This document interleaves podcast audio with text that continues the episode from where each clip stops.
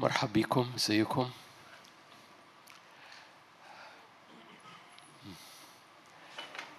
سؤال صغير كده كم حد ما سمعش مشاركات مؤتمر مجتمعات أنطاكيا؟ أوكي. لا. طب أنا عديتها للباقيين مش هعديها لك أنت. بضحك معاك.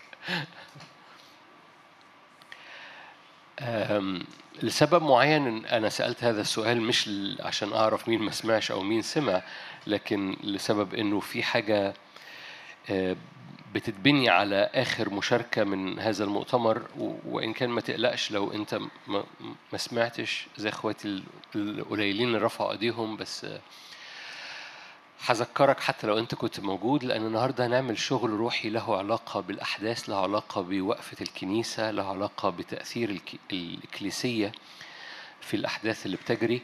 لأنه من المؤكد في لو انت بتتابع هذه الخدمة انت يعني الجملة دي مش جديدة عليك إنه إنه رب ينقل شكل الكنيسة لوقفة الأزمنة. الكنيسة مش بتعيش في حالة رد فعل الكنيسة بتعيش في حالة سلطان في وسط الأحداث. فالكنيسة مش بتعيش بتقول الحق شوف اللي حصل. لكن رب بيعد في الكنيسة من أجل سلطان من أجل استخدام لأنها الوقت مثل هذا الكنيسة موجودة في الأرض. يا إما إحنا موجودين عشان العالم يفعص فينا يا إما إحنا موجودين عشان نصنع تاريخ الله في الأرض. وي تشوز إحنا بنختار. فبنختار يا إما نعيش العالم يفعص فينا يا إما بنختار نعيش لكي كل يوم في حياتنا يحدث من خلالنا بالنعمة تأثير في تاريخ الأرض. تقول دي كلمة كبيرة قوي ده لا لا ترتقي فوق ما أقول لك ببساطة يسوع قال كده أنتم نور أنتم ملح. وده أبسط حق لأولاد الرب إن هم نور وملح في الموعظة على الجبل. والملح بيدي طعم للأرض بيحفظ الأرض من الفساد. إذا الملح بيصنع تأثير في الأرض. لو حضرتك ليس لك تأثير في الأحداث من فضلك ما تصليش تاني بقية عمرك لأنك لو لو الصلاة ليس لها تأثير بنصلي ليه؟ لو الصلاة لا تغير شيء لا أنتوا هتساعدوني النهارده هنشتغل مع بعض إحنا بنؤمن بالقدرية عارفين يعني إيه قدرية؟ يعني اللي هيحصل هيحصل نشكر ربنا إنكم طقطقتوا بس في نتيجة لهذه الطقطقة لأنك لا تؤمن بالقدرية أنت بتؤمن إن اللي جاي يمكن تغييره. ما هو ما هو يا إما اللي جاي هيحصل هيحصل يا إما اللي جاي ممكن تغييره. لو اللي جاي هيحصل هيحصل دي اسمها قدرية. نمصمص شفايفنا ونقعد تحت كلنا على الرصيف تحت ونقشر ترمس. لأنه اللي هيحصل هيحصل. لأنك لا تؤمن بالقدرية فأنت بتؤمن إن اللي جاي يمكن تغييره. لأن القدرية يعني اللي جاي لا يمكن تغييره. فلو اللي جاي يمكن تغييره ومفيش حد بحسب الكلمة له الحق أن يغيره غير أو الرب وولاده. الشركة العظيمة اللي بنحكي عليها الشادر الكبير اللي اسمه الرب وولاده يهوى وأولاده. ومفيش حد يقدر يغيره غير الرب وولاده. وبيأتي زمن اولاده دول يكبروا للحتة اللي الرب يديهم الشادر يقول لهم بصوا ادي مفتاح الشادر ادي مفتاح المصنع ادي مفتاح أنا بد... لأن لأنك بقيت ابن وارث لأني أقدر أأتمنك. قعدت فترة بوكلك بشربك بأسكب فيك حاجات بعد فيك برفع إيمانك برفع إزاي تتعامل مع المواجهات والتحديات والمخاوف. فبعد لو بعد لو لو, لو عندك آه، آه، ابن عنده 18 سنة ولسه لا مؤاخذة بي- بيبل السرير في مشكلة. لو لسه بيخاف من من قطة في الشارع ففي مشكلة. لو لسه بي لما أي حاجة صغيرة تعويرة صغيرة يجي يعيط كأنه في مشكلة بتقول له اكبر أنت عندك 18 سنة. أنتوا هنا؟ okay. فالرب سكب على كنيسته وعمال بيسكب ولن. لا يتوقف أن يسكب على كنيسته. مراحم ونعمة وقوة. بس بيأتي زمن بيقول لها بصي أنت موجودة في الأرض مش علشان أوكلك كل يوم الصبحية بالمعلقة افتح بقك وكل يا ابني. أنت موجود في الأرض لوقت مثل هذا. أنت موجود في الأرض لصناعة فرق في الزمن. ففي آخر اجتماع ما أعرفش لو كنت موجود أو لو سمعته تحدثنا عن ثلاث نقلات في المسؤولية. ولو أنت ما كنتش موجود في المؤتمر سمعتهم ولو أنت ما سمعتهمش فأديك هتسمعهم عشان المسؤولية تبقى وصلت.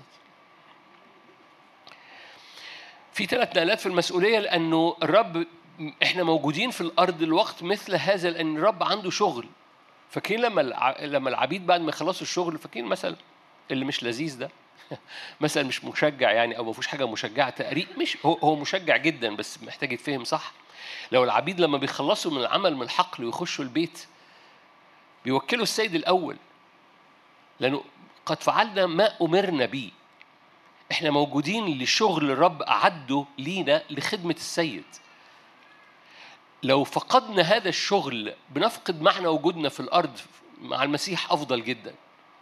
وجودنا في الأرض مسؤولية. وجود حضرتك في الأرض مسؤولية.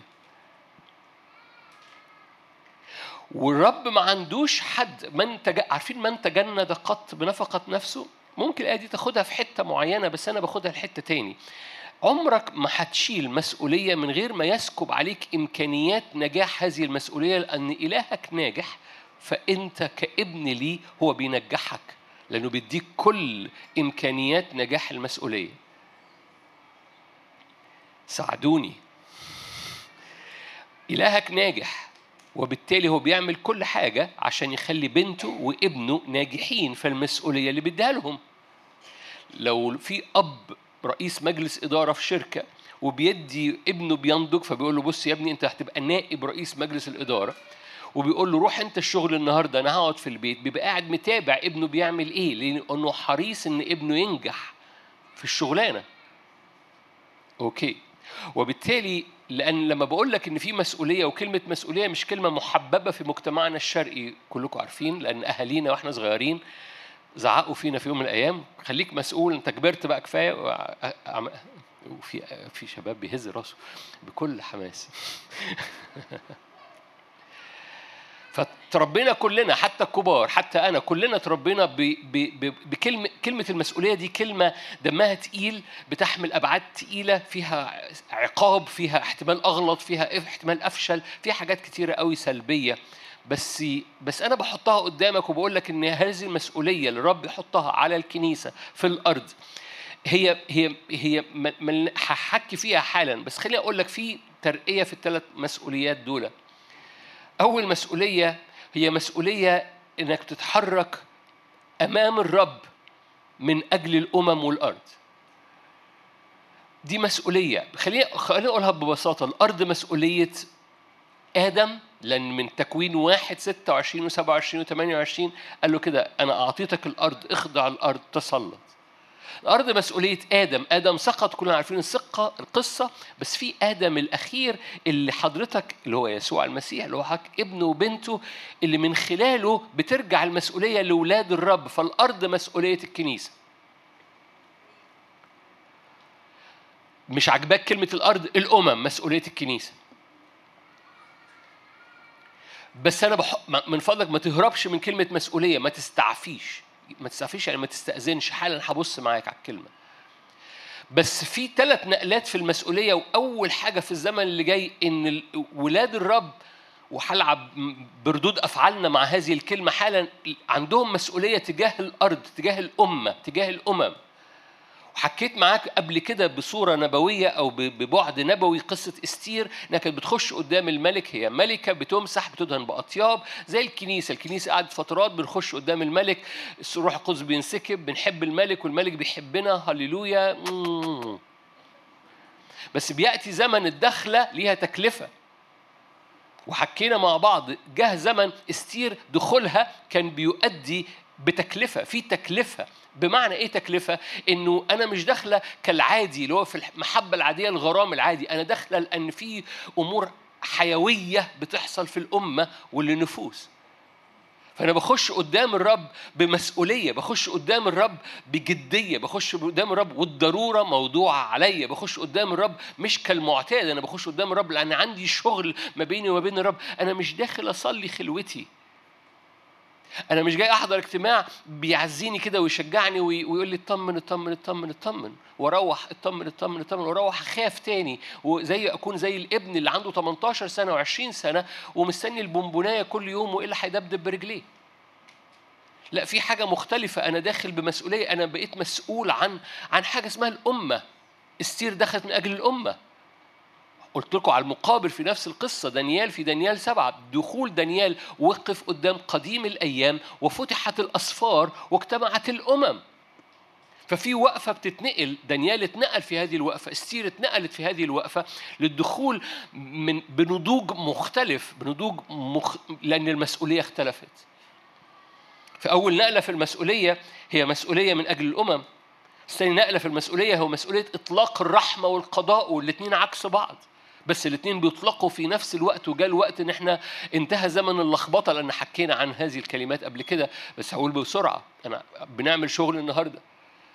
ولاد الرب يطلقوا رحمة لأن مراحم الرب يرحم نفوس. بس في نفس الوقت ولاد الرب يطلقوا قضاء على كل ظلم وعلى كل شر وعلى كل سواد وعلى كل فساد.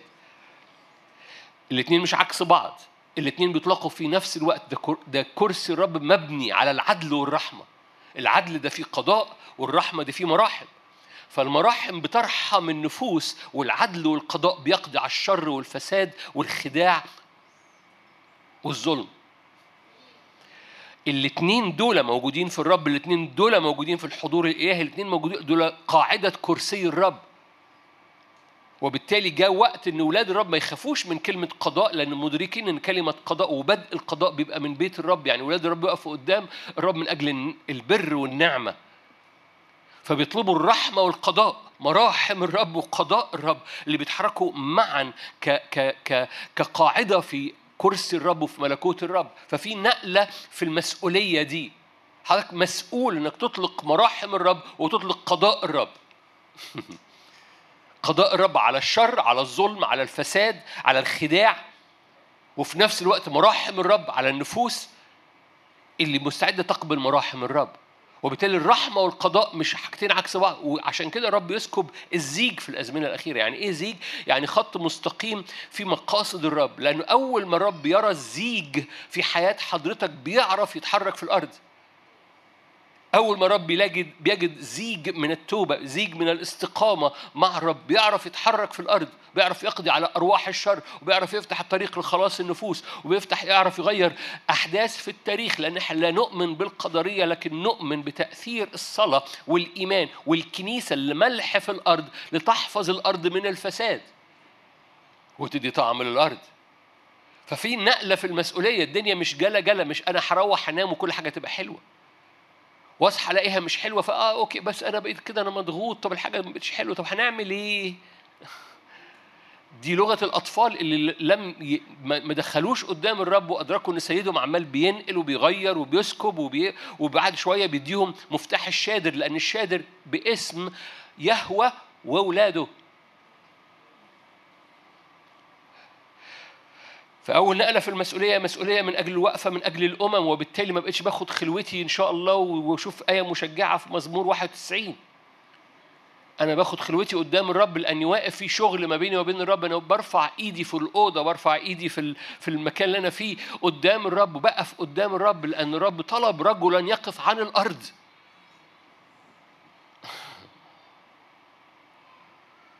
وفي شيفت بيحصل. لو انت ماشي معانا رحلة بقالك سنين انت عارف ان أنا عمالين بنو عمالين بنعد الكنيسة لهذه النقلة اللي إحنا بقينا فيها. إحنا بقينا فيها مش بنتكلم بنتكلم على نقلة هتحصل. هو ربنا لذيذ لأنه بيدينا مساحات في النقلة بس النقلة بقينا فيها خلاص. Here. بالإنجليزي. وده بيؤدي لنمرة ثلاثة في النقلة المسؤولية. هي مسؤولية الوقفة من أجل الأمة والأمم. هي نمرة اثنين مسؤولية من أجل إطلاق الرحمة والقضاء. نمرة ثلاثة هي علشان الاثنين دول يحصلوا مظبوطين هي مسؤولية في سماع صوت الرب. إن كل حاجة بتعملها خلي بالك ده لخيرك كمان. وهبص معاك أنا بعمل معاك شغل. أنا هقول نقط كتير النهارده فيعني يمكن تحتاج ترجع وتسمع المشاركة دي بعدين. في الحتة دي أنا بحكي عن ثلاث نقط، إيه نقلة المسؤولية؟ هي مسؤولية بالوقفة من أجل الأمة والأمم، هي مسؤولية من أجل إطلاق الرحمة والقضاء، هي مسؤولية من أجل سماع الصوت لأنه سماع الصوت بيبقى في في في قيادة مختلفة، في نوعية مختلفة. أنا كنت هروح لحتة هقولها.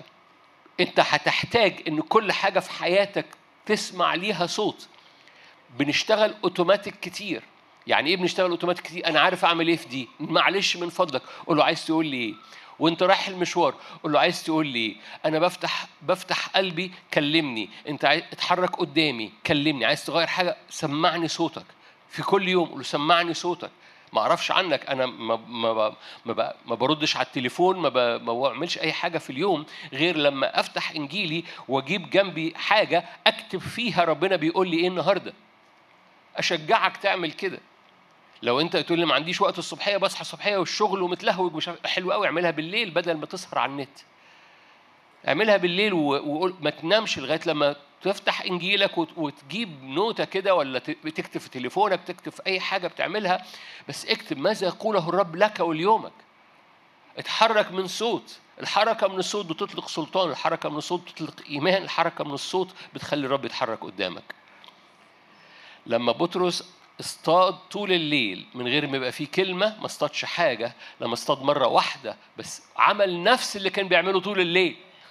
حاجة عجيب ما أعرفش تفكر يعني أنا عملتها. ما حصلش حاجة عملتها. ما حصلش حاجة عملتها ما حصلش حاجة. okay ميلت وداني. أعمل إيه؟ ارمي الشبكة. عملتها. هي هي. الفرق في الصوت. Are you here؟ okay. وبالتالي في ثلاث نقلات دي ثلاث مسؤوليات. أنا برمي المسؤوليات دي في حجرك. أنا برمي المسؤوليات دي عند حضرتك وعند اللي بيستمعوا لينا. برمي هذه المسؤوليات. هو مسؤولية في الوقفة. ما فيش option تاني. وهلعب معاك في رد فعلنا لكلمة مسؤولية حالا. هبقى بايخ شوية النهارده وهمشي بسرعة. نقلة في المسؤولية من أجل الأمة والأمم نقلة في المسؤولية من أجل إطلاق الرحمة والقضاء نقلة في المسؤولية من أجل سماع صوت الرب في أبسط حاجة. بالمناسبة لما هتسمع الصوت من الرب في أبسط حاجة هتعرف تصلي لإيه؟ بس النمرة النمرة الأساسية كمان ودي حاجة يعني لو عايز حاجة مشجعة شخصية يعني ليك لما لما هتتحرك بصوت من الرب حياتك الشخصية هتترتب صح في زمن في في خلاط بيحصل. حياتك الروحية هتنقذ بسبب الصوت. حياتك الروحية هتنجح بسبب الصوت. حياتك الشخصية هتمشي في وسط عارفين؟ فاكرين صخرة المزالق لما كان داود ينقذ من شاول يمشي هنا وشاول يمشي هنا؟ يعني تبقى ماشي ورب عمال ينقذك ينقذك لأنك ماشي بصوت. أمين؟ أوكي. إزاي بنتعامل مع كلمة مسؤولية؟ أنا هبقى بايخ في الحتت اللي جاية. إزاي بنتعامل مع كلمة مسؤولية؟ أنا أنا بكلم بكلم عقلك الباطن برغم إنك بتهز راسك ليا وتقول لي أمين أنا عارفك. فكتير بيبقى إيه؟ كتير بتقول أمين واه طبعا في الجو ده بس لما تروح البيت وبعد أسبوعين ورحت الشغل ومش عارف إيه إيه أنا مالي يا عم إني أقف من أجل الأمم؟ أنا زهقت من أجل الأمم أنا مالي؟ طالما أنا بخير أنا عايز أصلي عشان أنا أكون بخير. تعرفوا حد بيقول مش أنتوا طبعا بس أنا مالي طالما أنا بخير. سفر استير. أنا أنا أنا هستف بستف حبة حاجات وبعد هقول لكم ماذا نفعل كيف نصلي في الأزمنة أو في الأمور الجارية في هذه الأزمنة. لأن أنا النهاردة جاي أعمل شغل معاك أنا مش جاي سفر استير. شاهد معروف بس أنا هحطه قدام حضرتك بس استير أربعة. استير عصلجت في النقلة عصلجت في النقلة إنها تقف من أجل الأمة. لأن أنا بخش قدام الملك لما الدنيا بتبقى لطيفة لما الجو بيبقى ظريف لما أكون ممسوحة بمسحة جديدة لما يكون في طيب جديد لما يكون هو داعيني لما تكون الأجواء سامحة بكده. فأنا بخش قدام الملك بلغتنا النهاردة بخش بحضر الاجتماعات بنبسط بتمسح بروح القدس بتشجع مسحة بتنسكب عليا بتحرر ب... هي بس إني أخش بقى عشان بجو مختلف عشان أقف من أجل أمة أو أمم أو نفوس أو حروب أو أو مواجهات أو حاجات تقيلة دمها تقيل وأنا عندي الحاجات اللي دمها تقيل بتاعتي. فليه أقف من أجل حاجات دمها تقيل برايه اللي فيا مكفيني دي مش آية. أوكي. فأول رد فعل أنا مالي طالما أنا بخير طالما أنا ظروفي بس أنا أنا ظروفي تبقى بخير. استير أربعة مردخاي قال كلام بايخ قوي لاستير لما قالت كده. استير أربعة 13 قال مردخاي أن تجاوب استير لا تفتكري في نفسك أنك تنجين في بيت الملك. يعني أنا بس ظروفي تبقى كويسة وأنا أبقى كويسة. no no. لا تفتكري في نفسك أنك تنجين في بيت الملك دون باقي الشعب. إن سكت سكوتا في هذا الوقت يكون الفرج والنجاة للشعب من مكان آخر. أما أنت وبيت أبيك تبدون يعني أنت متصورة أن طالما أنا بخير كل حاجة بخير no. no. أنا بس ظروفي أنا تبقى بخير. مش هقف من أجل الأمة مش هخاطر مش هاخد المسؤولية. أنا بس ظروفي تبقى بخير. مردخاي no no no no no no. ده انت الوقت مثل هذا موجودة في أنا بتكلم بقى لحضرتك انت الوقت مثل هذا موجود على الأرض. لو انت قعدت في حالة ال defense مش هتبقى بخير. خير وسيلة للدفاع هي الهجوم. خير وسيلة للبركة في حياتك إنك تخرج بره مش تحصن وتقوم عامل كده لأنه كده قال لها بصي ده هيحصل العكس. لا تفتكري في نفسك إنك تنجين في بيت الملك. عشان أنت في بيت الملك فأنت محصنة. no no no القصة مش كده. إزاي بنتعامل مع كلمة مسؤولية؟ أنا مالي باللي بيحصل حواليا طالما أنا بخير ملياش دعوة. الإجابة استير تاني حاجة أنا مش مسؤول يعني هعمل إيه أنا مالي؟ بيحاربوا بعض في حتة أنا مالي. في أفكار طالعة مش عارف إيه أنا مالي. أو أو أقلق ما هو ما أنا هقلق. ما هو يا إما لو أنا ليا دور أنا مسؤول فأنا هعمل أكشن يا إما هقعد ومصمص شفايفي وأبقى قلقان. مش كده ولا إيه؟ حسقيال 22 أنا أنا بحط شواهد قدامك بس. حسقيال 22 وأنا عارف الجزء الأولاني من هذه الآية أنت عارفه بس الجزء الثاني أنا عايز أحطه قدامك برغم إنه بايخ. أنا النهارده مش جاي أشجعك أنا النهارده جاي أشجعك. حسقيال 22 شعب الأرض ظلموا ظلموا ظلما. ده 29 حسقيال 22 29 شعب الأرض ظلموا ظلما غصبوا غصبا اضطهدوا الفقير والمسكين ظلموا الغريب بغير الحق. طلبت من بينهم خلي بالك إمتى طلب من بينهم رجلا؟ عشان عشان الرحمة والقضاء. عشان يلاقي حد يطلق رحمة وقضاء. لأن في ظلم وفي قتل. فطلب رجل علشان يطلق رحمة للمظلوم وقضاء على الظلم. أوكي. طلبت من بينهم رجلا يبني جدارا ويقف ثغر أمامي عن الأرض لكي لا أخربها. فلقيتهم كلهم إيه؟ فلم أجد. إيه فلم أجد. فلم أجد بمعنى استعفوا استأذنوا. يعني أنا أنا طالب واحد يقف عن الأرض ويقول يا رب ارفع الظلم اقضي على اقضي على الظلم وارفع الظلم. ما حدش وقف مش مكتوب ما حدش وقف ليه بس في الأغلب قالوا أنا وأنا مالي أنا, أنا الظلم مش واقع عليا. ما هو لو كان الظلم واقع عليه كان صرخ. لأن الظلم مش واقع عليه فإيه؟ تعبير بالإنجليزي يقول لك indifferent يعني يعني الحاجة بتحصل هنا بس أنا هنا. فلم أجد. إيه النتيجة؟ مش عايز أقراها. سكت أنا أنا فتحت الآية عشان تقراها لأن معظمنا ما بيقراش الآية الأخيرة دي. فسكبت سخطي عليهم أفنيتهم بنار غضبي جلبت طرقهم على رؤوسهم يقول السيد الرب كل ده عشان ما لقيتش راجل؟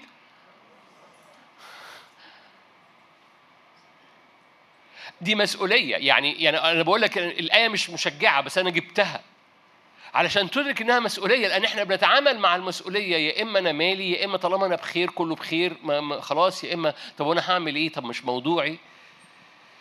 يا إما okay okay رد فعل تاني. أنا أنا أنا بشرح معاك حتة بايخة أنا آسف. رد الفعل okay okay حاضر حاضر حاضر okay حاضر هبقى أصلي إن شاء الله. هبقى أصلي دي دي دي مش مسؤولية. هبقى أصلي دي أنت بتديني ربع جنيه وبتمشيني يعني. خد ربع جنيه دي وامشي. فبقول لك في مسؤولية واقف من أجل البلد ف okay خد ربع جنيه. يحنن. دي مش كده. دي مس... دي ضرورة. فاكرين بولس لما قال الضرورة موضوعة عليا فويل لي. آه ما أنا عشان كده حطيت لك الآيات دي. دي ضرورة ده مش مسؤولية حاضر okay. يعني فاكرين لما الرب كان عنده قال قال المثل بتاع الإبنين وقال روحوا الحقل. فواحد قال له okay وما راحش. فاكرين بنعمل كده؟ okay. okay إحنا هنقف من أجل الأرض؟ okay. بولس قال الضرورة موضوعة عليا فويل. يعني إن لو أنا ما عملتش هذه الضرورة في, في نتيجة.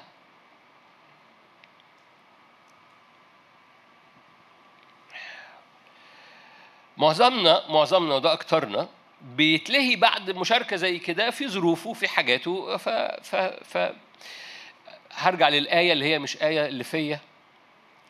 مكفيني. فيا مكفيني. هذكرك بآية كلكم عارفينها في متى 11 مش هنفتحها مش لازم نفتحها لأنها مشجعة. بختار الآيات اللي مش مشجعة بس النهارده. في متى 11 كلكم كلكم عارفين. قال احملوا نيري عليكم فتجدوا أتاري اللي فيا مكفيني ده لما أنا بشيل اللي عليا على كتافي لكن لما بحمل اللي على كتافه على كتافي اللي على كتافي بيبقى مريح.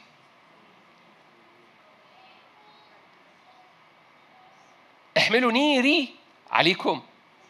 فتجدوا راحة. okay إلغي إلغي نفي النفي إثبات. لا تحملوا نيري فلن تجدوا راحة. ده نير الرب. طب أنا اللي فيا مكفيني حبيبي هي مش ماشية كده. هي مش ماشية أخلص اللي عندي وبعد كده أبص إيه اللي بيحصل في منطقة تانية. جاء وقت جاء وقت إدراك إن لما طلب رجل من بينهم لأن في ظلم وفي مظلوم طلبت رجلا يقف على الأرض ويبني جدارا في الثغر. ليه؟ لكي لا أخربها لأن مش عايز أخربها فلم أجد. الراجل ده جرى له إيه؟ الراجل ده كان هينسى نفسه هيقف يبني جدار لما لم يجدوا الراجل ده جرى له إيه؟ الايه اللي قريناها بعد كده سخط بولس قال الضروره موضوع عليا لو ما عملتش كده ويل لي وبالتالي في نتائج. لما لما لما تقول ببساطة اللي فيا مكفيني أو اللي عندي عندي أمور كثيره مهتم بيها مش محتاج اقرا دي هتبقى وعظة كده مشجعة لما قال أنا عندي زوجة وعندي بقر أعملهم مش عارف فاكرين القصة دي؟ فاستعفوا من العرس. أذكركم بالآيات الموجودة في عبرانية 12 لما كان في صوت من الرب فوق الجبل يقول لك فاستعفوا قال لموسى اطلع أنت كل حاجة هيقولها لك ربنا إحنا okay معاك. بس مش هنطلع. اوعى تعمل كده. اوعى تقول okay أنا هشيل المسؤولية. أنت قول لي بس أنا أعمل إيه وأنا هعملها. عارفين الفهلاوي الشرقي ده؟ مش حضراتكم بس. لو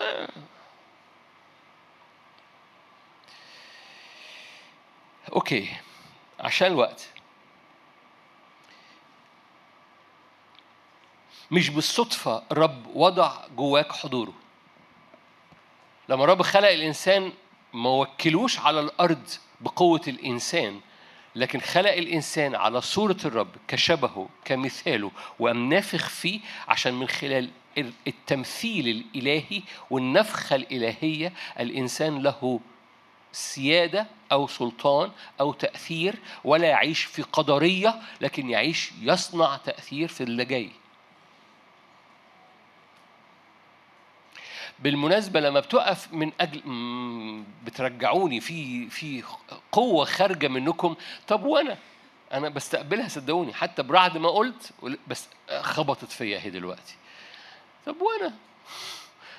أنا جاي الاجتماع عشاني. أنا عندي ظروف. أمام الله أمام الله أنا بقول لحضرتك وحضرتك لما بتقف بنير الرب قدام الرب. الرب يهتم بظروفك أكثر جدا من اهتمامك. من منكم إذا اهتم يقدر أن يزيد على قامته ذراع واحد. من منكم إذا اهتم شعر راسه ما وقعش. من منكم إذا اهتم غير حاجة إلا لو الرب تدخل في حياته.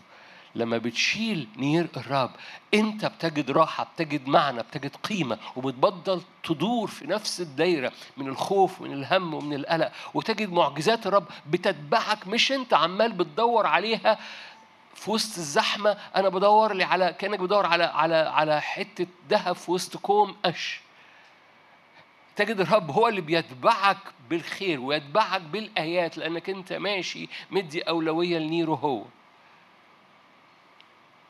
أنتوا هنا فمن فضلكم ما تبخوش البخة دي مرة تاني وأنا واقف. لأنها بتخرج بتهب بستقبلها. واعرف اعرف إن دي حقيقة أنا مش بلومك بالمناسبة ده مش لوم ده ده طبيعتنا البشرية. وعايز أؤكد ليك حقيقي أمام الرب بصدق أمام الرب كل احتياجاتك وأكثر منها بينسكب عليك أول ما الأنا بينزاح شوية وتقوم تقول له أنا ليك الكل ليك أنا بديك كل الحياة ماذا تريد يا رب أن أفعل؟ ورب يقوم واخدك في حاجة عجيبة جدا ما كنت ما كنتش على بقى مش في الموضوع خالص. يونان لما هرب من دي اتبلع يونان لما رجع لدي انقذ. يونان وهو بيتحرك لما اهتم بيقطينا أم موتها له. اوعى تكون بتعيط على يقطينا ورب قال قال قال قال ألا أشفق أنا على نينوى المدينة العظيمة؟ ده الرب كان عادت فيها البهايم. فاكرين الآيات دي؟ كان عادت فيها البهايم. قال له عدد النفوس كذا وبهائم كثيرة. يا يا رب يعني أنت حتى مهتم ببهائم أمة؟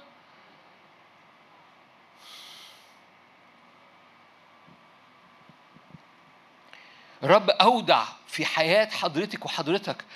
قيمة غير عادية هي إنك مخلوق على شبهه على صورته وضع حضوره فيك. ودي جملة ما أقدرش أقولها للي ماشي في الشارع أقدر أقولها لحضراتكم ولحضراتكم حضوره فيك. ده زي استير اللي أعدت ومسحت عشان تخش قدام الملك ويبقى ليها علاقة مع الملك. ده حضرتك وحضرتك. بس جاء الوقت إن استير بتقول أنا داخلة المرة دي مش عشان أستمتع أنا والملك أنا داخلة قدام الملك. وفي تحدي وفي هامان وفي وليمة وفي وليمة عاملها هامان وفي وليمة عاملها الملك وفي وليمة أنا عاملاها. في شغل بيحصل. مفيش حل في الأزمنة اللي جاية. هكبر المواضيع مش بتكلم بس على الأحداث اللي جارية دلوقتي. كلكم عارفين كلكم أدركتوا اللي حصل يوم السبت في المؤتمر؟ أدركتوا اللي حصل في المعبر؟ أدركتوا إن الرسالة جات لي بعديها بشوية؟ إحنا الوقت كان صعب جدا في المعبر. كان في خطر حقيقي في المعبر. إخوات لينا كانوا موجودين في المعبر في نفس الوقت. كان في خطر حقيقي. بس الزمن ده زمن مثل هذا اللي هو فيه أحداث بتحصل في في في التو واللحظة والصلاة بتأتي بنتيجة في التو واللحظة والأحداث بتجري بسرعة. لغاية دلوقتي إلى الآن. مش لازم أحكي لك قصص بس أنا أعرف ناس موجودة. وبالتالي في حاجة في حاجة أنت محتاج تدرك إنك مش واقف هو يعني business as usual زي ما بيقولوا بالإنجليزي يعني اهو أنا هاخد خلوتي الصبحية في في في سفر المزامير. خد خلوتك في سفر المزامير بس في شغل. مفيش مفيش قوة في الأزمنة اللي جاية في حياتك من أجل خاطرك ومن أجل الشغل اللي الرب أعدك وأنت موجود على الأرض. طالما أنت بتتنفس على الأرض أنت موجود لقصد إلهي في الزمن ده لوقت مثل هذا. مش موجود عشان تتفعص مش موجود عشان تتضغط مش موجود عشان ظروف بيتنا. طب طب أنا اعمل إيه في ظروف بيتنا؟ اقفي من أجل الرب ستجد ظروف بيتنا. اقف من أجل وقفه قدام الرب تقول البيت في حاجة مهمة جدا بتحصل حساسة جدا. أقول لك حلو قوي. تيجي تيجي قبل ما تقفي من أجل البيت هنصلي هتصلي من أجل بيتك. هتصلي من أجل بيتك بس قبل ما تقفي من أجل بيتك ها أنا ده يا سيد عايزني أصلي لإيه النهارده؟ عايز أصلي لإيه النهارده؟ خليه هو يقول لك خليه هو يقول لك وهقول لك هنصلي لإيه أنا هغششك في الآخر حبة حاجات. بس خليه يقول لك لأن أنا مش عايز مش عايز أنا أقول لك اللي أنا سمعته منه أنا عايزك أنت تسمع منه كمان. خليه يقول لك تصلي لإيه النهارده. بس اخرج بره الأنا وخليه يقول لك تصلي من أجل إيه النهارده. هتستغرب هيقول لك إيه. صدقني لو زحت الأنا وقفت وجها لوجه قلت له عايز نصلي لإيه النهارده هتستغرب الإجابات. هتستغرب المسؤولية هتستغرب الشغل اللي هو عايز يديهولك النهارده. بص يا بنتي عايزين نخلص الملفات دي النهارده. هللويا. يا تصور تصور لو ده مستوى العلاقة. لأنك رايح قدام رئيس مجلس الإدارة. آه عندنا إيه شغل النهاردة؟ آه خدي الملفين دول خلصيهم لي النهاردة. واو. ده اللي يثق فيها قلب زوجها. فاكرين؟ المرأة اللي يثق فيها قلب زوجها. لا اللي يثق فيها فيهم قلب أبوهم. فبيديله الملفات اشتغلي في الملف ده. تنجح في الملف ده أقيمك على أكثر. بس أنا أنا لغيت ملفاتي أنا. طب ملفاتي أنا؟ ما تقلقش لما بتقوم بتخلص ملف في, في, في, في آخر اليوم بص أنا عارف ملفاتك. موضوع خلص. أنا اديته لحد خلصه لك اديته الملاك خلصه لك حركت القلوب وخلصتها لك. حركت قلوب حواليك وخلصتها لك. صدقني صدقني كلكم عارفين ودي مش آية بس هي آية. لما بتهتم بأمور رب رب يهتم بأمور. دي حقيقة حقيقة كتابية وإن كانت مش مكتوبة بالطريقة دي لكن موجودة في قصص كتير. وبالتالي ببساطة مفيش حل في الزمن اللي جاي غير الوديعة اللي أودعها فيك لأنك مخلوق على شبه وكمثال وحط جواك وديعة اسمها نفخة الروح. إنسان الروح إنسان الباطن إنسان الروح بتاعك هو العلاج الوحيد ليك وللأرض. ما خدتوش بالكم من الجملة هقولها مرة تاني. إنسان الروح الداخلي بتاعك هو العلاج الوحيد ليك. أنا ما وقفتش. وللأرض. وأنا مش بقول جملة وأنا مش مش مش يعني مش بقول الجملة دي وأنا وقعت مني كلمة الأرض. لا أنا أنا أنا مش واقعة مني كلمة الأرض. أنا عن قصد بقولها. مفيش علاج في الزمن اللي جاي. إلا إنسان الروح في داخلك. إنسان الروح في داخلك هو العلاج ليك وهو العلاج للأرض. لأنه مش بقدرتنا ولا بقوتنا مش كده؟ إحنا متفقين على كده. طب أوكي وإحنا موجودين من أجل الأرض.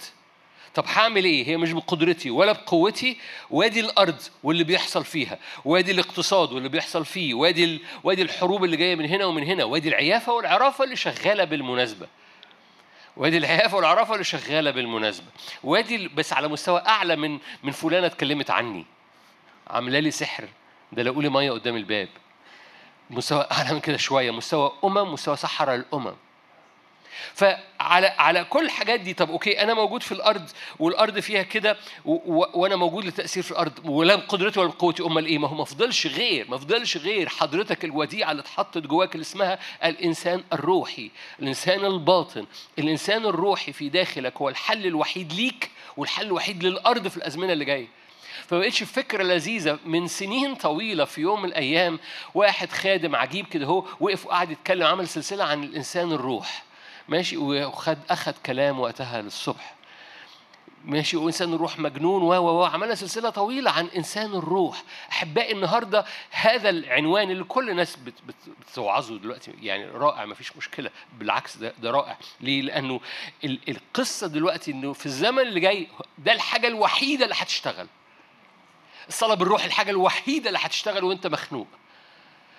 صوت الروح هو الحاجة الوحيدة اللي هتيجي انتصار وانت متلخبط. الإنسان الروح هو الحاجة الوحيدة اللي هتتحرك قدامك وتعد الطريق لما تبقى أنت كل حاجة وفي مواجهة مع روح python اللي هو بيخنق كل خطوة وكل نفس في حياتك.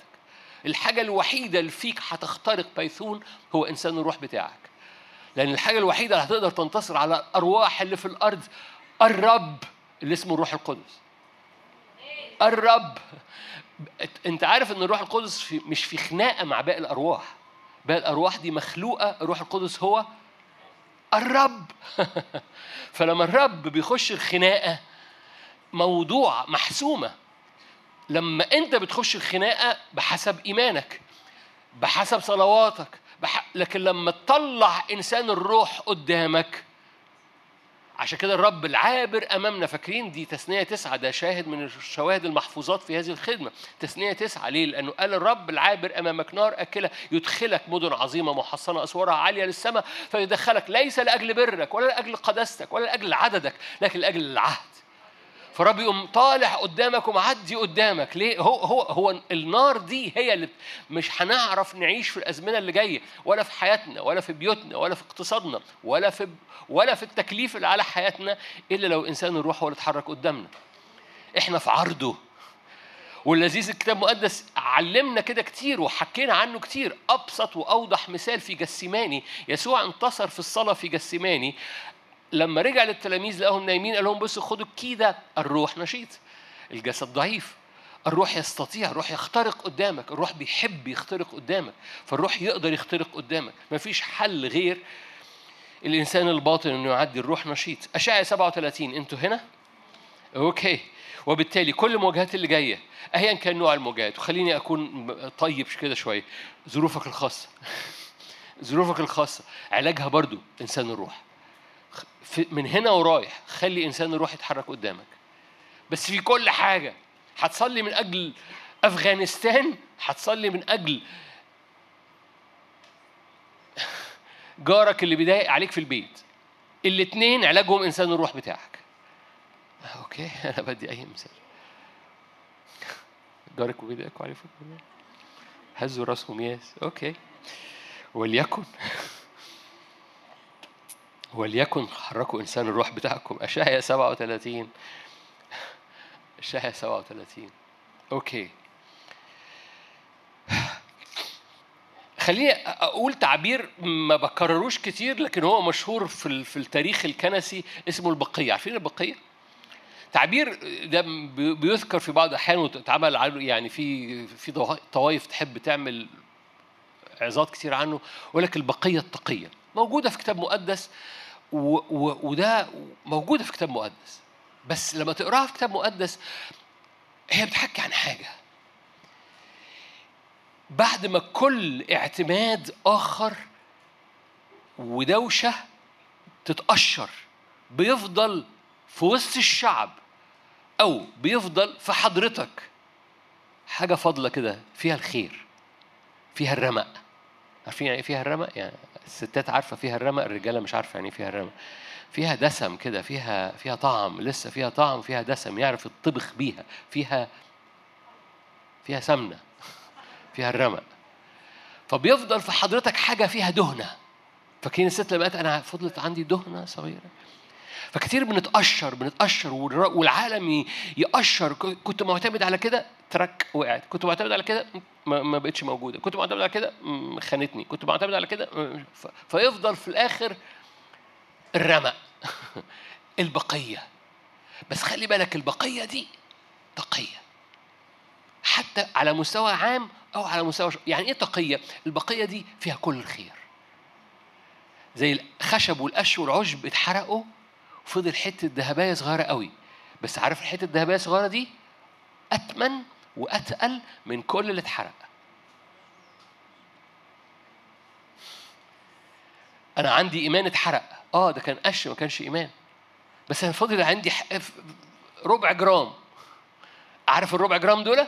أتقل من كل القش اللي فات. أنا كنت مخدوع بالقش كنت فاكر إن أنا يا, يا أرض تهدي ما عليك يأدي. بس طلعوا في الآخر ربع جرام. ممتاز. بس خلي بالك ربع جرام دي فوق جبل الرب معجزة. وتجد الكتاب المقدس ودي حاملها واجب لأن مش هحكي فيه دي ممكن تبقى وعظة أو سلسلة لوحدها.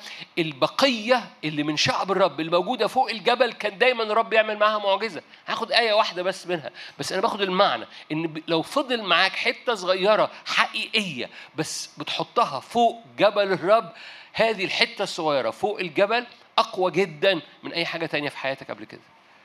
فما تبكيش على حاجات اتحرقت. ما تبكيش على حاجات أنا كنت متكل وما حصلش كنت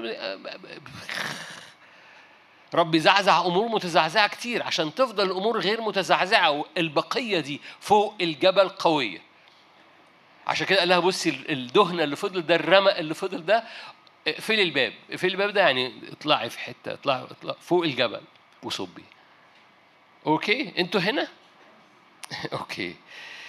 إشعياء أنا قلت 37 مش كده؟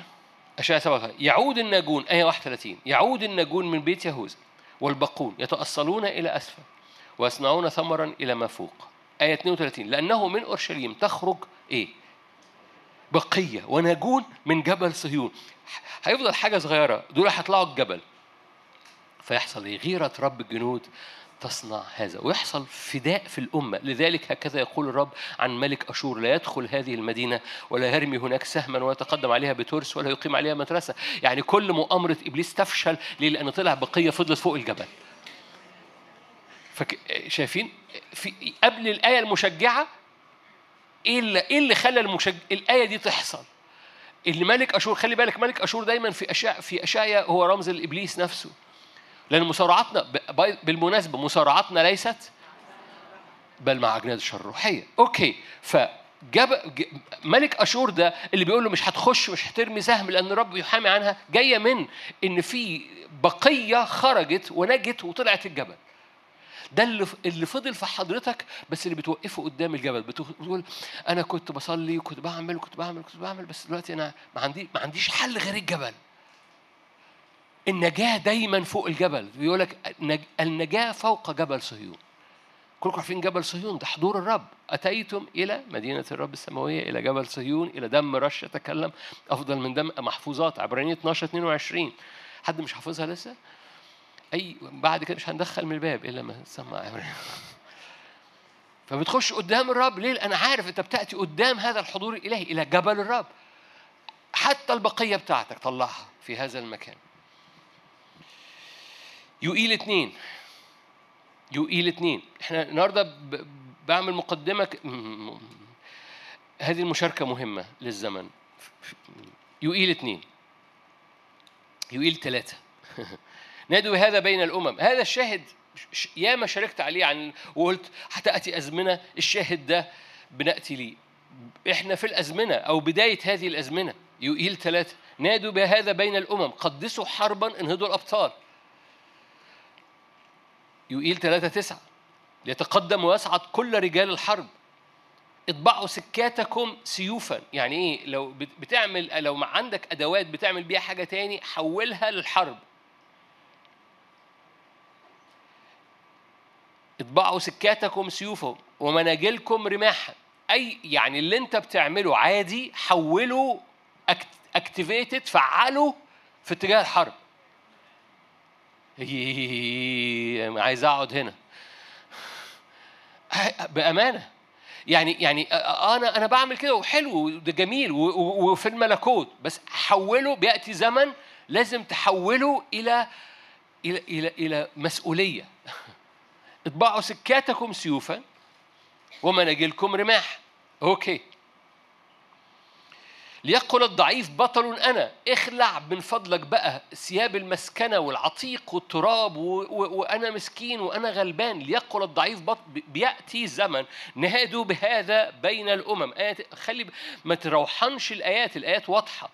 بمعنى إيه ما تروحنش الآيات؟ يعني ما تنس... ما تعديش الآيات. آه دي نادوا بهذا بين الأمم. ملهاش علاقة بسكاتكم سيوفا. ملهاش دعوة. ليقل الضعيف لا ده ليهم علاقة ببعض. ده دي message نادوا بهذا بين الأمم. حول كل حاجة فيك للمواجهة اللي جاية. حول كل حاجة فيك للمواجهة اللي جاية.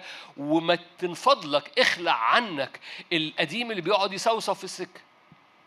ليقل الضعيف بطل أنا. طب أنا ضعيف. ستوب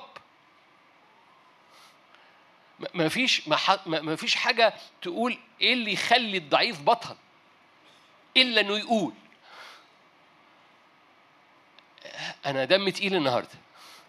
بس أنا أنا أنا ما أنا أنا حريص إنه في في نقلة في في وقفة مختلفة عن المسيحية الشعبوية. لأن الوقت مثل هذا حضرتك وحضرتك والكنيسه موجودة في الأرض. أوكي كملوا معايا. اسرعوا وهلموا يا جميع الأمم من كل ناحية واجتمعوا. ده ده ده ده كول نادوا بهذا بين اسرعوا وهلموا. يا جميع الأمم من كل ناحية اجتمعوا إلى هناك. انزل يا رب بأبطالك. بيأتي بيأتي موسم أنا طول الوقت بقول جملة بيأتي موسم. قد أتى الموسم. قد أتى الموسم إنك تنزل لأنه بالمناسبة مش ده مش مش مش مش مش تنبؤ سياسي ولا تنبؤ أي حاجة. الأحداث سريعة والاحداث ممكن تقلب لأي حاجة. الأحداث ممكن تقلب لأي حاجة. ال options كلها على الترابيزة. ما تبصوليش كده كأنه قول قول لنا إيه ال option إحنا فضوليين عايزين نسمع إيه بقى ال options الموجوده على الترابيزة؟ مش هقول. ما أنا بش... عينيكم عينيكم فاتحاكم. قول لنا بقى ال options لأنه لأنه ده مش اجتماع سياسي ولا اجتماع تنبؤي ولا ولا YouTube show. لكن ال options كلها موجودة على الترابيزة في المنطقة اللي إحنا عايشين فيها. وال options خلي بالك اللي على الترابيزة تؤثر على حياتك بقوة. بقوة. وإنها تتحرك بحسب القصد الإلهي. ده احتياج ملح. فالقصة ما بقتش بعيدة هناك. انت في سماك وأنا هنا بطلع لك كل شوية تمسحني بمسحة وأنا استير اللي بحبك وأنت الملك اللي بيحبني. no no no no no. ده بقى في أمة وبقى في options وبقى في حاجة لازم تتحرك. في اتجاه القصد الإلهي. وبقى في نفوس وبقى في ظلم وبقى في مراحم وبقى في صوت لازم يتسمع وبقى في ناس لازم تقف فوق الجبل. بقى في إنسان الروح اللي ممكن يعمل كده. وبقى في كنيسة نضجت بقى إن الرب يقول لها بصي خدي الملفين دول خلصيهم لي. ويبقى في معنى لشغلها مش بتروح الشغل تعمل تريكو.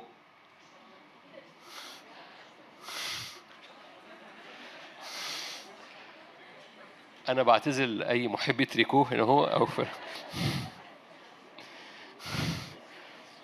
أنا آسف. بأمانة مشهد مختلف قيمة مختلفة جدا. لو حضرتك راح رحت الشغل وما عندكيش حاجة تعمليها فعلا أنا آسف. هقولها مرة تانية. بتعملي تريكو أو إنه رئيس مجلس الإدارة يناديكي بالاسم أنا عندي ملفين مهمين ممكن تخلصهم لي النهاردة؟ ياه! هتروحي البيت آه، جوزك يقول لك عملت إيه النهارده؟ أنا كان عندي شغل مهم قوي النهارده. إيه ما عملتيش تريكو زي كل يوم؟ ما خلصتيش بلوفر؟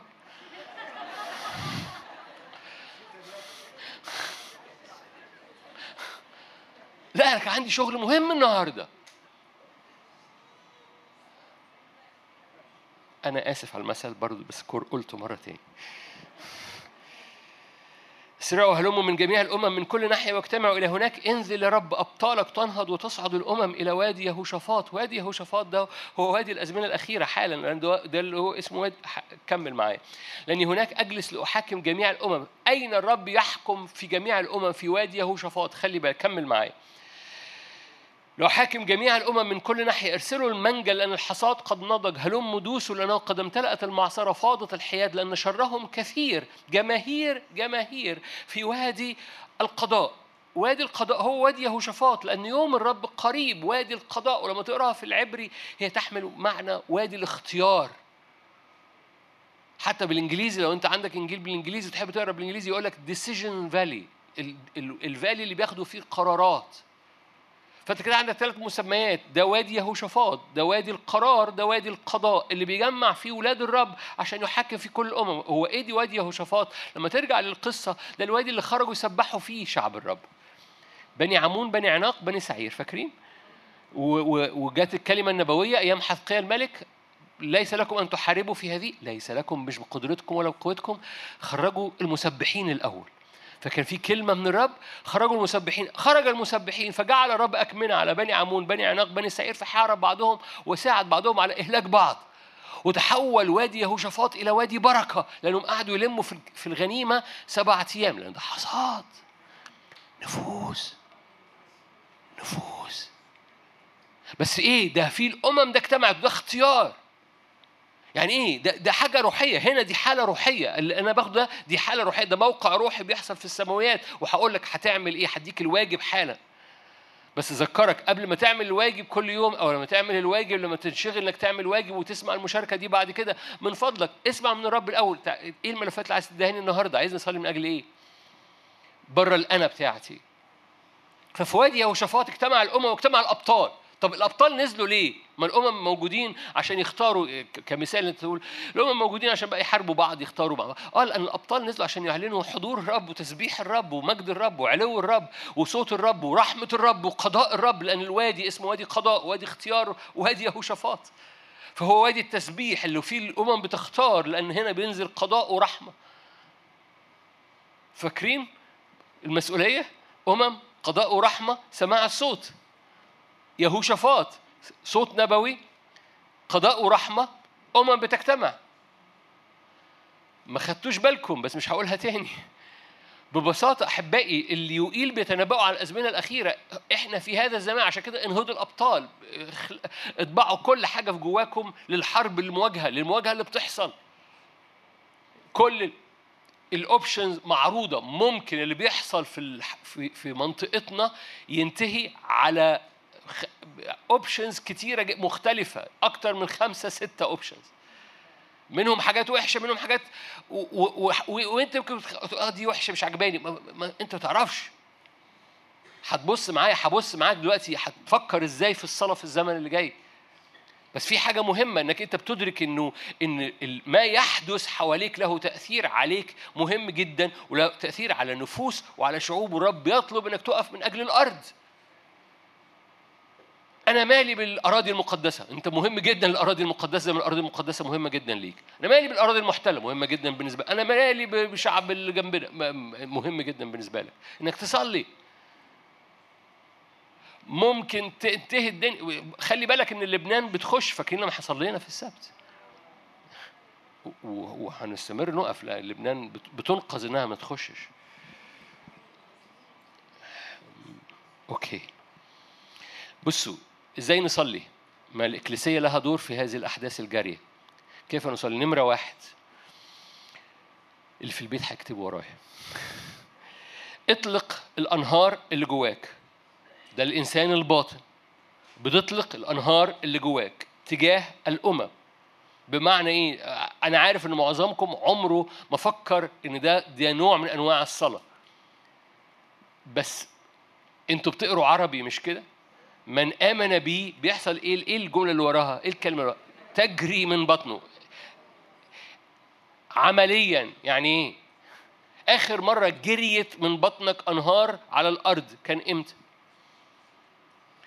sorry آخر مرة أنت بإرادتك جريت الأنهار من بطنك على أمور تقول لي أنا صليت أقول لك no no no أنا مش بقول لك صليت أنت جريت أنا هو الرب اللي قال ده المسيح اللي قال مش أنا اللي قلت عطشت هتشرب. بس لما بتشرب مش عشان أنت تشرب وبطنك تتنفخ. أنت بتشرب علشان أنت بتختار إنك تجري من بطنك أنهار.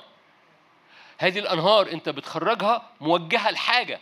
ليه؟ لأن في عدن كان في أربع أنهار وكل نهر له اسم.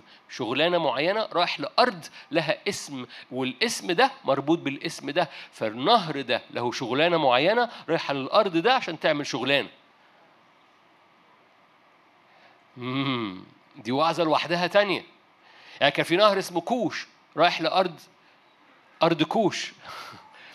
كان في sorry نهر كان في نهر اسمه كمثال مثلا نهر اسمه حداقل اللي هو دجلة okay؟ رايح لأرض أشور. دجلة ليه رايح لأشور؟ دجلة يعني صوت حاد. أشور في الكتاب المقدس رمز لإبليس. في صوت حاد خارج تجاه إبليس. لما بتخرج نهر من جواك نهر موجه تجاه قوة الشر بس أنت بتطلق هذا النهر اللي هو نهر دجلة لو جاز التعبير. صوت حاد خارج بالروح القدس تجري من بطنك. صوت حاد خارج تجاه إبليس تجاه أشور. نهر الفرات هو نهر الإثمار عشان كده هو النهر اللي بيجف النهارده في العراق لأن الرب عايز يفتدي العراق. وبالتالي في حاجة الأنهار لها أسماء رايحة لأراضي والاسم بتاع النهر له معنى رايح لأرض لها معنى.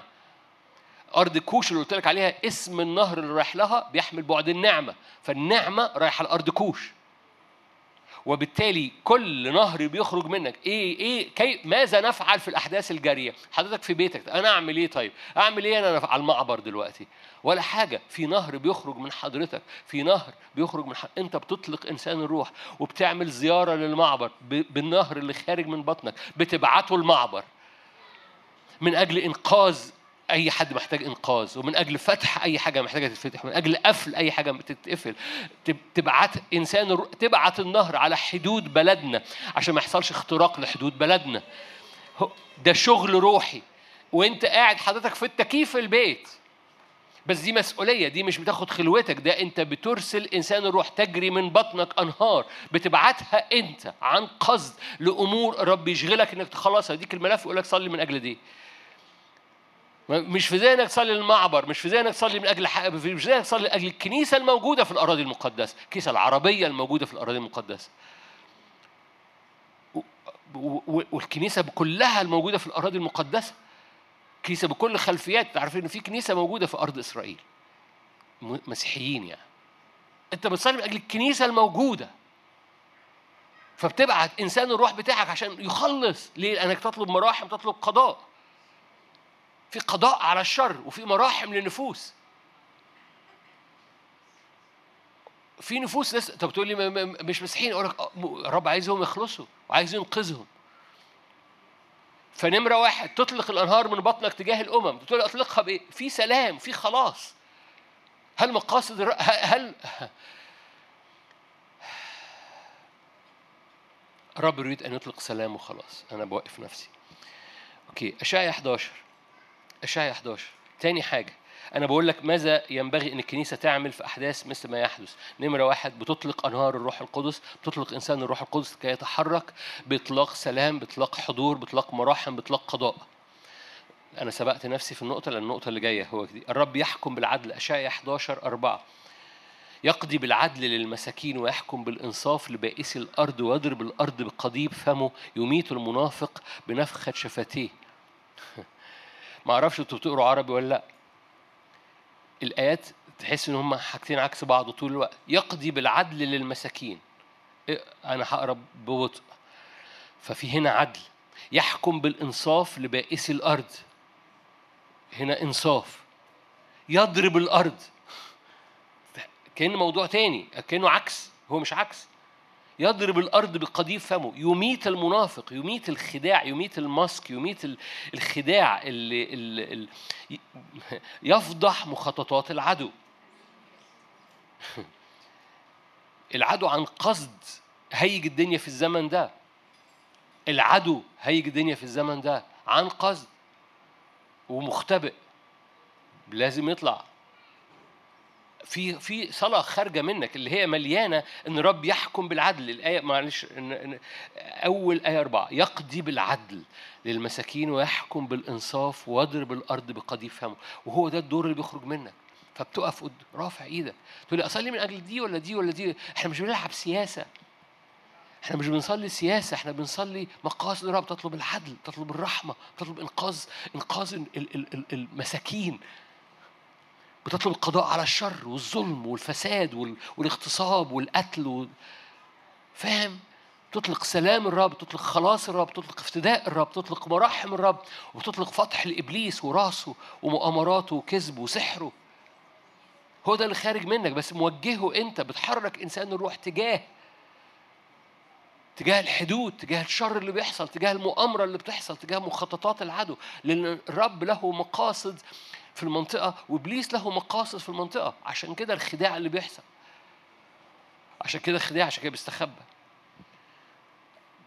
إحدى التشريعات لازم تخرج منك إن تحويل اللعنة إلى بركة. تقول لي معقولة من كل اللي بيحصل ده ممكن تتحول إلى بركة؟ إحدى الأوبشنز اللي على الترابيزة. تصور؟ تتصور إن في أوبشن معروض على الترابيزة إن اللي بيحصل دلوقتي ده يتحول إلى بركة لو وجد الرب رجلا يقف الثغر ويبني جدارا على الأرض. لو الكنيسة وقفت وقالت له حول اللعنة إلى بركة. لو إن كل معقولة ممكن اللي بيحصل ده يتحول. yes لو. هو شرطي معتمد. لو تحب. تحب أعمل لك إيه؟ ما أنت شايف يا رب أنت شايف. أعمل لك إيه؟ عايز أفتح. okay. طب يعني لازم أقول لك؟ yes. لأن أنا عايزك تخلصي الملف ده. لأنك أنت بقيت أنا بقيت يهوى وكو وأولاده. أنا أنا أنا عايز أسمع صوتك. أنا عايز أشوف وشك. عايز أسمع صوتك. عايزك تشتغل معايا. أنت نضجت بما فيه الكفاية يا ابني. أنا عايز أديك الأرض.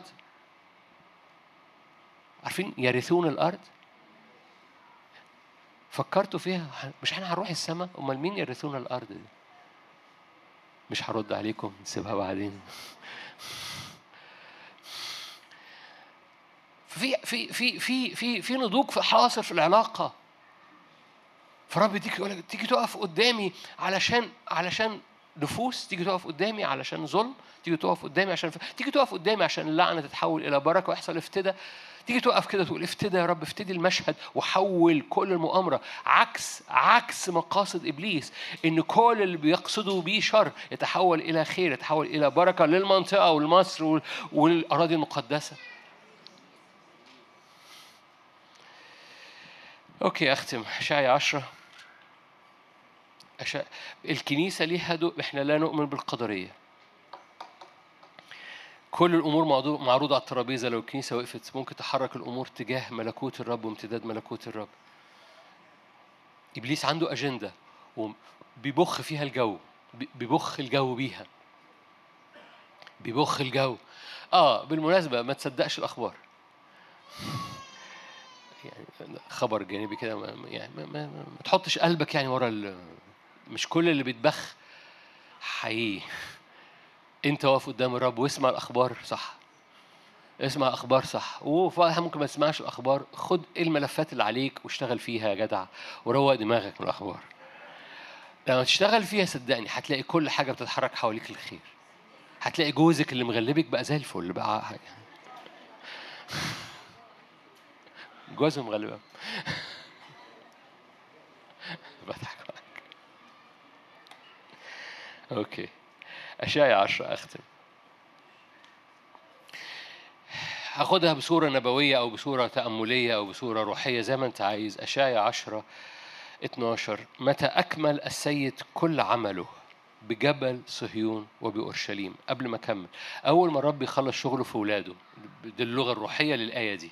متى أكمل الرب كل عمله بجبل صهيون وبأورشليم فاكرين قد أتيتم إلى جبل الرب إلى مدينة الرب أورشليم السماوية؟ أوكي. لما يخلص الرب شغله في ولاده إني أعاقب ثمر عظمة قلب ملك أشور. حلو قوي فلما بخلص شغل في ولادي بعرف أشتغل أعمل قضاء على ملك أشور. ملك أشور رمز لمين؟ حلو قوي فالرب يخلص شغله خلص شغله في إستير. تعالي لي بقى إستير فيه مسؤولية. عايزين نخلص همان. عايزين نخلص على همان. Are you here? okay كملوا معايا. متى أكمل السيد كل عمله بجبل صهيون وبأورشليم إني أعاقب ثمر عظمة قلب ملك أشور وفخر رفعة عينيه لأنه قال إبليس قال كده بقدرة يدي صنعت وبحكمتي لأني فهيم. نقلت تخوم شعوب.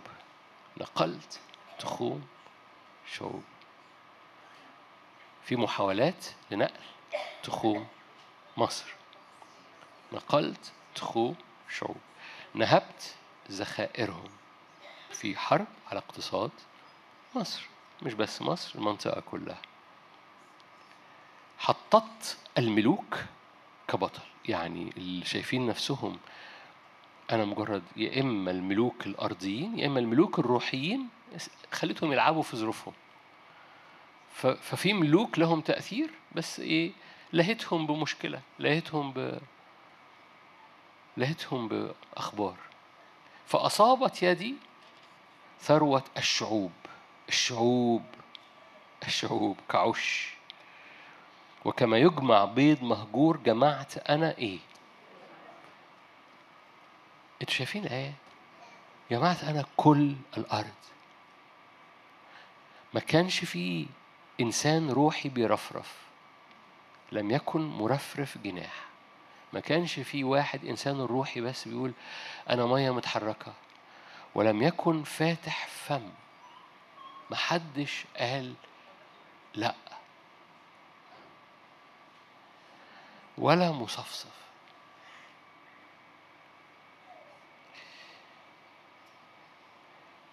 لو ما حطيتش حدود إبليس بيعدي الحدود. لو ما حطيتش حدود. لو ما حطيتش حدود لأفكارك إبليس بيخش جوه أفكارك. ما حطيتش حدود لقلبك أنا بطبق عملي شخصي عشان أقول لك ده بينطبق على كل حاجة. لو ما حطيتش حدود في بيتك إبليس بيخش البيت. لو ما حطيتش حدود لكنيستك على أسوارك أقمت. حراس قال كده محدش فتح فمه. فنقلت التخوم جماعة الشعوب كما يجمع بيض مهجور. محدش كان محرك إنسان الروحي محدش قال لي نو أحد امتيازات إنسانك الروحي إن أبسط نو منه لعدو الخير أقوى جدا من أي زعاق بتعمله بقوتك الجسدية. أبسط no لإبليس. في بيتك. تقول لي أنا حس... آه okay هصلي في البيت حاضر بس هصلي ده مواضيع كبيرة قوي يعني ده بيحصل في شمال لبنان وشمال إسرائيل وجنوب لبنان آه كبير قوي مجرد إنك على سريرك حتى وأنت عينيك مدعمسة لسه ما صبحتش.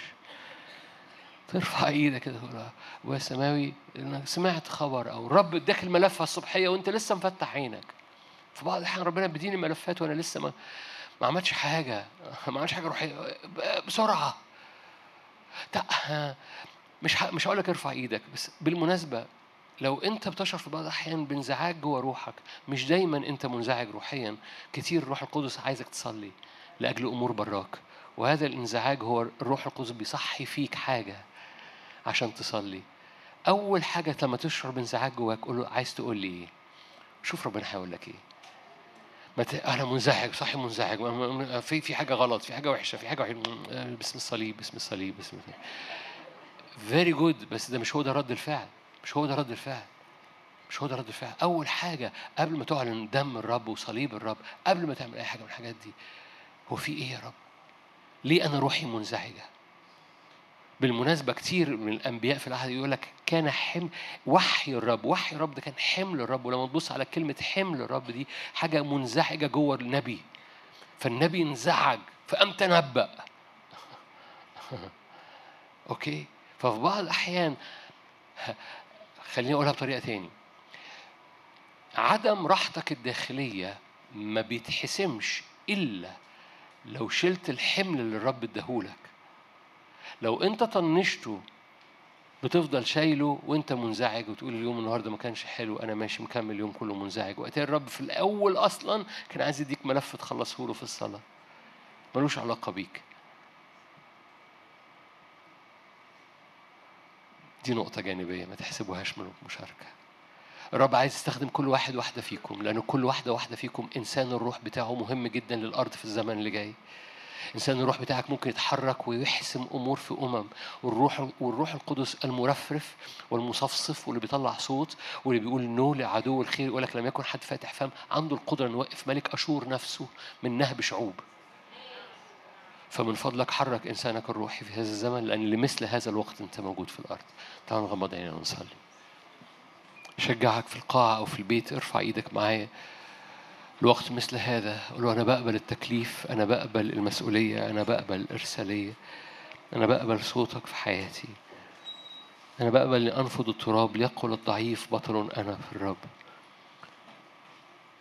أنا بقبل أني أنفض التراب من على حياتي لكي أقف عن الأرض وأبني جدارا في الثغر.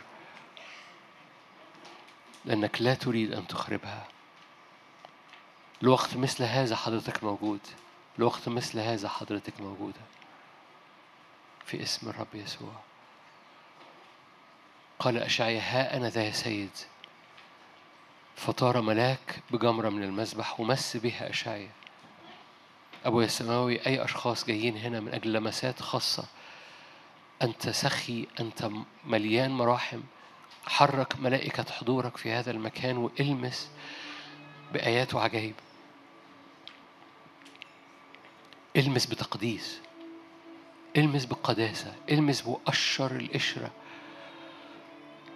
قشر القشرة من علينا وقشر القشرة من, انحسارنا في نفسينا.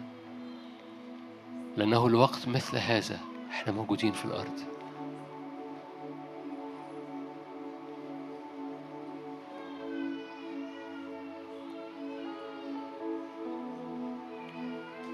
طارحين كل تقل طارحين الخطية المحيطة بنا بسهولة.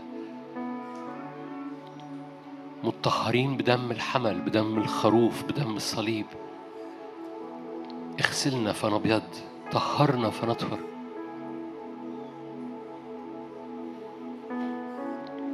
نريد أن نبني بالزيج باستقامة. فبنقف باستقامة قدامك بنقف لكي يضيء وجهك علينا يضيء نورك علينا وعلى حياتنا.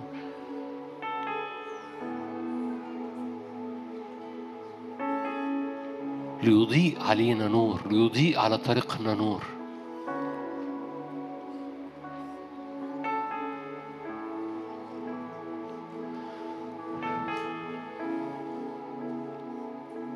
انهدوا الأبطال.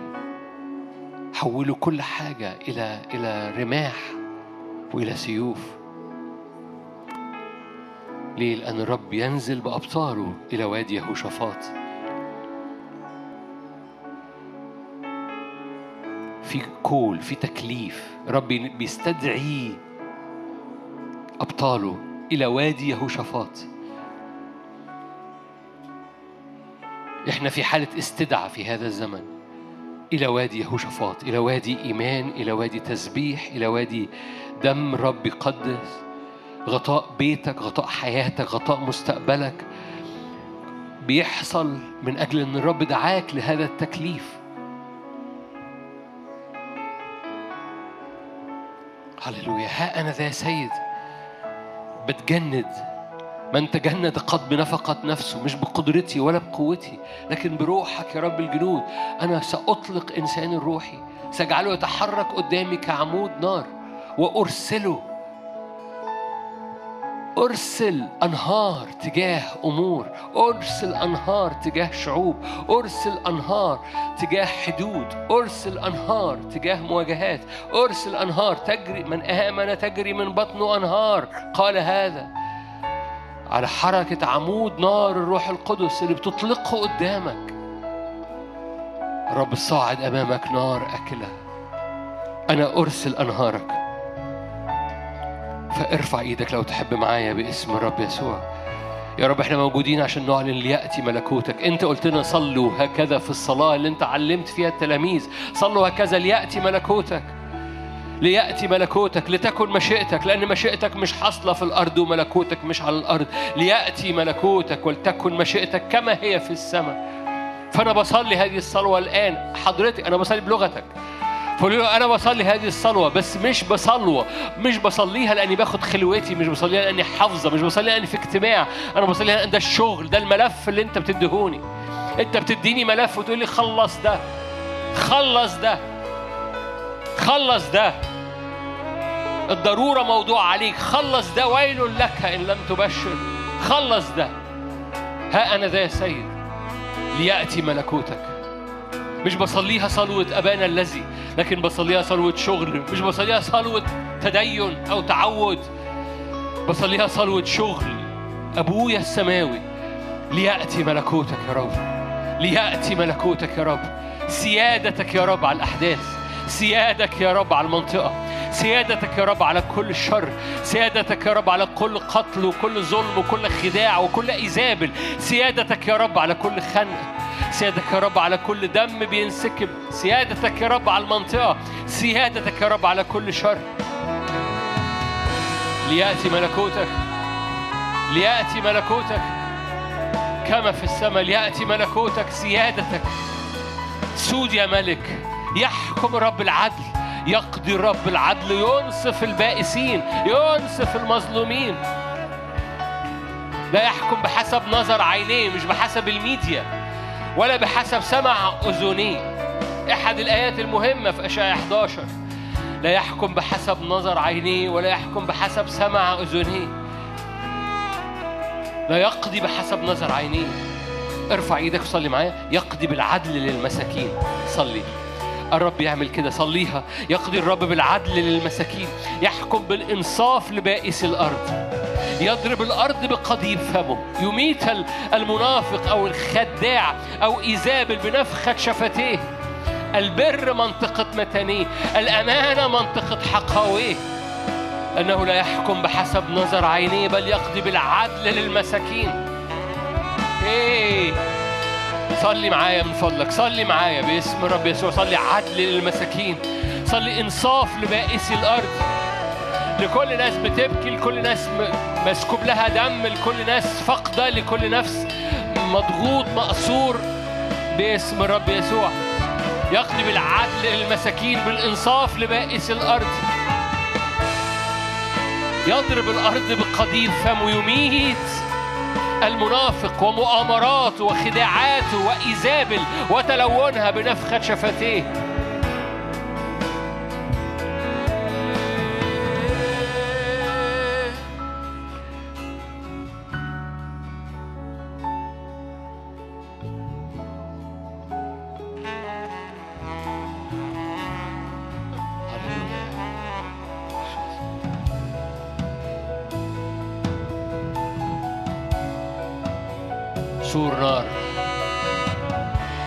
الكنيسة بتبقى في جبل مليان نار. والنار دي بتحرق كل خشب وقش وعشب عشان تفضل بقية بتاعتنا. والبقية بتاعتنا واقفة فوق الجبل وهذه البقية تصنع قضاء. هللويا. وهذه البقية يحكم من خلالها الرب. هلما نصعد إلى جبل الرب لأن البقية في جبل الرب تصنع أحكام الرب سلام الرب مقاصد الرب من خلال جبل الرب. اللي صعد فيه شعب يطلب قضاء الرب وعدل الرب ومراحم الرب. فبنقف بنوقف أرواحنا في المكان ده. أمام وجهك يا سيد بنطلب رضاك. مراحمك مراحمك وقضاءك. مراحمك وقضاءك. مراحمك. كم القبح هللويا. كل قبح لإبليس اقضي عليه. كل قبح للموت اقضي عليه. كل قبح لإبليس اقضي عليه. أحبائي اللي حصل في الأرض قبيح جدا. باسم الرب يسوع. فارفع إيدك قول له اقضي. هللويا. رحمة وقضاء رحمة وقضاء.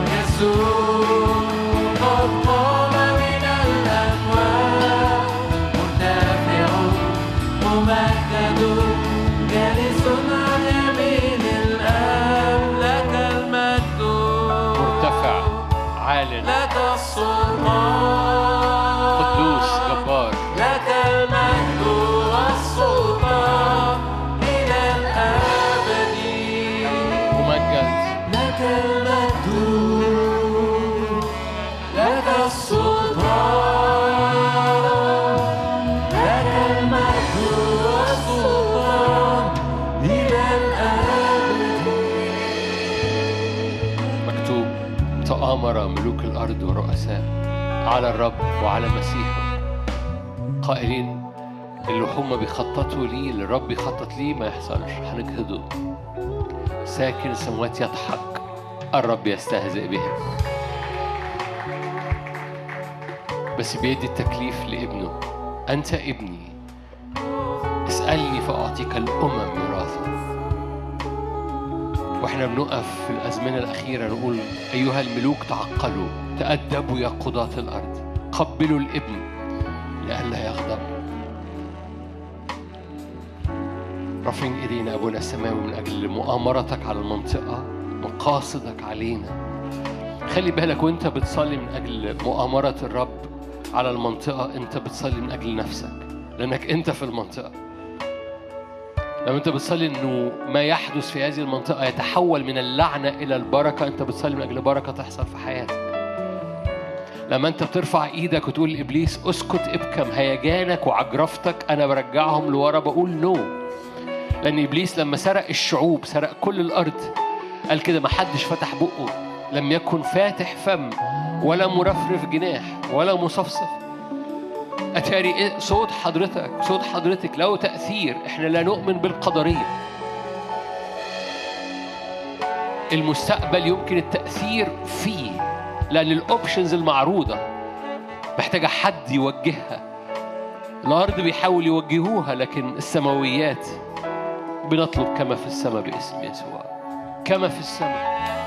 ولاد الرب يقفوا بالملفات الإلهية. كما في السماء يا رب. كل لعنة من اللي بيحصل دلوقتي تتحول. صلي معايا. تتحول كل لعنة من اللي بيحصل دلوقتي. صلي قول تتحول. ما تسمعنيش تقول آمين. أنت قول تتحول هذه اللعنة. مؤامرة إبليس باللعنة. مؤامرة إبليس على اقتصاد المنطقة على أطفال المنطقة على على على مستقبل هذه المنطقة على حدود بلدنا وعلى حدود البلاد المحيطة بينا. كل لعنة تتحول باسم الرب يسوع. مؤامرة إبليس وحركة حركة لويثان وإيزابل تفضح باسم الرب يسوع. وجه لويثان يطلع يتضح وجه إيزابل يتضح باسم الرب يسوع. تفضح إبليس. تفضح مقاصده. تفضح باسم الرب يسوع. باسم الرب يسوع. هللويا. نعم.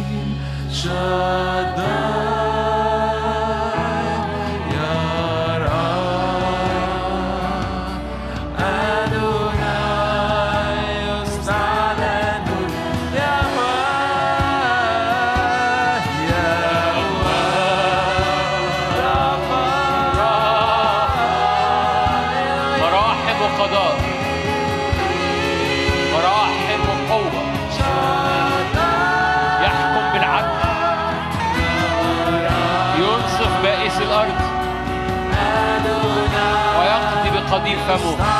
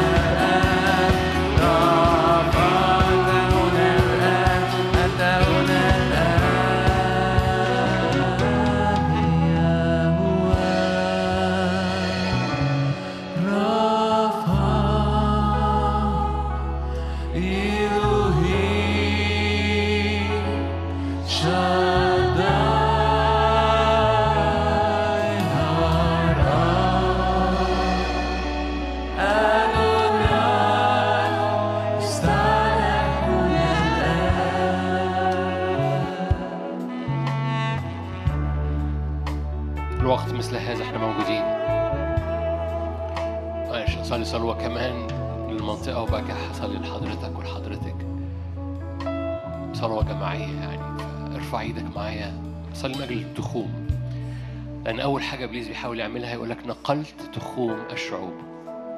تخوم مصر تخوم لبنان تخوم المنطقة بتاعتنا باسم الرب يسوع كلها. صلي من أجل التخوم. لأن الرب حدد بحدود مسكنهم. حتى الأمم مش بس حدد أنت تسكن فين لكن حدد الأمم بحدود. سفر الأعمال يقول حددت بحدود مسكنهم. فرافعين إيدينا من أجل حدود بلادنا. حفاظ حماية فتح لمؤامرات إبليس. لا اختراقات.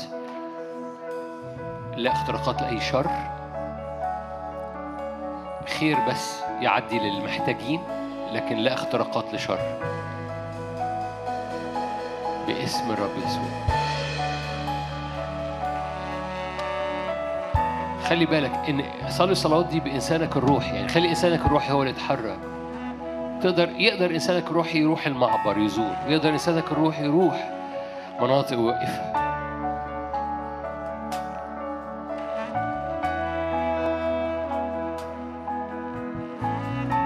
في حاجات كتيرة أجهضت خلال اليومين اللي فاتوا بسبب الصلاة.